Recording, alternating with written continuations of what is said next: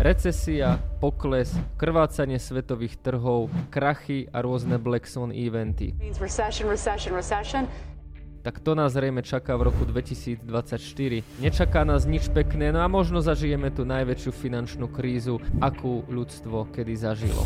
Keď si otvoríte YouTube, rôzne magazíny, odborníkov alebo finančný Twitter, tak podobné témy sa na vás valia z každej strany. Krach 2024, recesia 2024, najväčšia príležitosť vášho života 2024. YouTuberi, finančníci, aj odborníci strašia veľkou krízou a prepad odhadmi v roku 2024. I do believe we go into recession. I don't believe there'll be a soft landing. No moja otázka znie, je sa naozaj čoho báť? Podľa čoho títo odborníci usudzujú, že rok 2024 bude rokom krachu, krvi prelievania na finančných trhoch a rôznych úpadkov a neúspechov? Je pojem kríza 2024 alebo krach 2024 len nástrojom youtuberov na vyššie zhliadnutia alebo je za tým aj nejaký fakt, čísla a reálne nám to hrozí. Tak práve na to sa pozriem v tomto videu.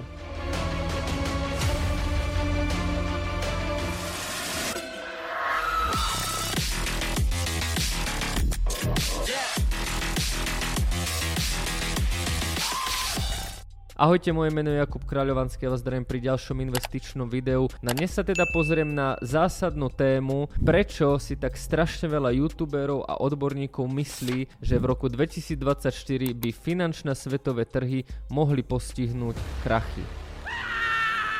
Na úvod tohto videa sa vrátim do marca 2023 a ako iste dobre viete, tak práve v tomto mesiaci sme zažili bankovú krízu, kedy krachovali jednoducho banky v Amerike, ale podarilo sa ich zachrániť. Na túto tému som však videl niekoľko videí, vy si ich na mojom YouTube kanáli môžete pozrieť a toto nebude predmetom tohto videa, aj keď veľmi zlá situácia amerických bank, ktoré majú otvorené straty vďaka nákupu štátnych dlhopisov je určite jeden z dôvodov, prečo ten krach naozaj môže prísť. Tento fakt faktor však vo videu rozoberať nebudem a zameriam sa na ďalších 9 faktorov, ktoré naozaj bijú do očí. Či tieto problémy vyústia v naozajstný krach, nejakú obrovskú recesiu, prípadne scenár z 2008 nevieme, ale je pravda, že v tomto momente sa nakumulovalo niekoľko naozaj zásadných bodov, ktoré v minulosti predikovali rôzne problémy. Poďme na to. Prvým bodom sú úrokové sadzby ako v Amerike, tak aj v Európskej únii. Ak sa pozriem na krivku, ako rastli úrokové sadzby v USA, tak vidím dve závažné veci. Za prvé, úrokové sadzby v USA rastli najrýchlejším tempom v histórii. Nikdy tak rýchlo úrokové sadzby v Amerike nerastli. No a čo je takisto dôležité, tak dostali sme sa na úrovne z roku 2006 a 2007 a sami dobre vieme, čo prišlo potom v roku 2008. Takže takéto úrokové sadzby sme nemali v Amerike už niekoľko rokov a pre trh a ekonomiku je veľmi ťažké s takýmito úrokovými sadzbami naďalej rásť. Európska únia, konkrétne eurozóna, to znamená krajiny, ktoré platia euro, majú takisto veľmi vysoké úrokové sadzby a dokonca sú najvyššie v histórii eurozóny. Takže tu máme hneď dva body. Za prvé, úrokové sadzby v eurozóne nikdy neboli vyššie a za druhé rastli najrýchlejším tempom v histórii eurozóny. Takže keď sa pozrieme na úrokové sadzby, tak samozrejme čím vyššie úrokové sadzby, tým je aj pre tie podniky, ľudí, firmy firmy, aj štáty ťažšie hospodáriť a ťažšie udržiavať nejaký ekonomický rast, pretože čím vyšší úrok, tak tým jednoducho viac musíte platiť. A celkový dlh je pre vás drahší. Druhým faktorom, ktorý moc nenahráva svetovým trhom a konkrétne akciám a ETF kam svetovým indexom sú americké dlhopisy. Keď hovorím o tom, že úrokové sadzby sú najvyššie za posledné roky, tak takisto úroky na amerických štátnych dlhopisoch sú najvyššie od roku 2006-2007 a niektoré dokonca od roku 2000. Na čo to znamená? Na vysvetlenie amerických dlhopisov použijem jeden príklad. Zoberte si, že ste veľký miliardár z Ameriky a máte niekoľko miliónové port portfólio. No a vy teraz máte ekonomickú situáciu, ktorá akcia má ETF moc nepraje. Na druhú stranu tu máte americký dlhopis, ktorý vám garantuje zhodnotenie 5,5% ročne a v podstate bez rizika. Teraz si možno poviete, ako je možné, že je to bez rizika. Vydavateľom tohto dlhopisu sú samotné Spojené štáty americké a ak by vám tento úrok nebol vyplatený, tak by to prakticky znamenalo, že by skolabovala najväčšia ekonomika sveta a to sa asi moc nestane. A práve vysoké úroky na dlhopisoch, kde sme momentálne nad hladinou 5%, spôsobujú to, že množstvo fondov, milionárov aj miliardárov radšej uloží svoje peniaze do bezpečného prístavu a nakúpi americké štátne dlhopisy, ako by mali riskovať, že nakúpia S&P 500 či danú konkrétnu akciu a tak ľudne môže aj o 30-40% padnúť. Zatiaľ, čo v roku 2020 boli úrokové sadzby na dlhopisoch pod 0,75% a tým pádom nemalo žiadny zmysel držať dlhopisy, pretože ten úrok tam bol takmer nulový a bola oveľa väčšia motivácia investovať napríklad do ETF ako S&P 500, tak teraz sa karta obrátila a pre množstvo investorov sú práve lákavé úrokové sadzby na dlhopisoch to miesto, kde zaparkujú svoje peniaze. A to samozrejme neprospieva všetkým iným segmentom. Ak neviete, čo znamená, že VIX rastie, tak si poďme povedať teóriu. Ak VIX rastie, je to negatívny signál, pretože to znamená, že cena opcií, z ktorej sa VIX počíta, rastie. Keď rastie cena opcií, tak to znamená, že veľkí hráči zabezpečujú svoje pozície oproti možnému prepadu. Nákup opcií ich stojí určitý kapitál, avšak je to menší kapitál ako prípadná strata v podobe prepadu ceny aktív. Ľudovo povedané, ak nám rastie VIX, tak to znamená, že na trhu rastie svojím spôsobom neistý neistota a veľké fondy a veľkí miliardári radšej nakúpia VIX, ktorých svojím spôsobom hedžuje voči prepadu. To znamená, že ak by klasické aktíva ako ETF, indexy a akcie prepadli, tak oni síce na týchto prepadoch stratia a budú v strate, ale na druhej strane to, čo stratili na prepadoch týchto akcií, zase zarobia na rastúcom VIXe. Na práve VIX, ako aj mnoho ďalších akcií a etf riešime v investície vo Vrecku, kde už máme len posledné otvorené miesta a akcie nakupujeme u našich partnerov brokerov XTB a eToro. Link na investície vo Vrecku, ako aj brokerov nájdete v popise tohto videa aj v priloženom komentári.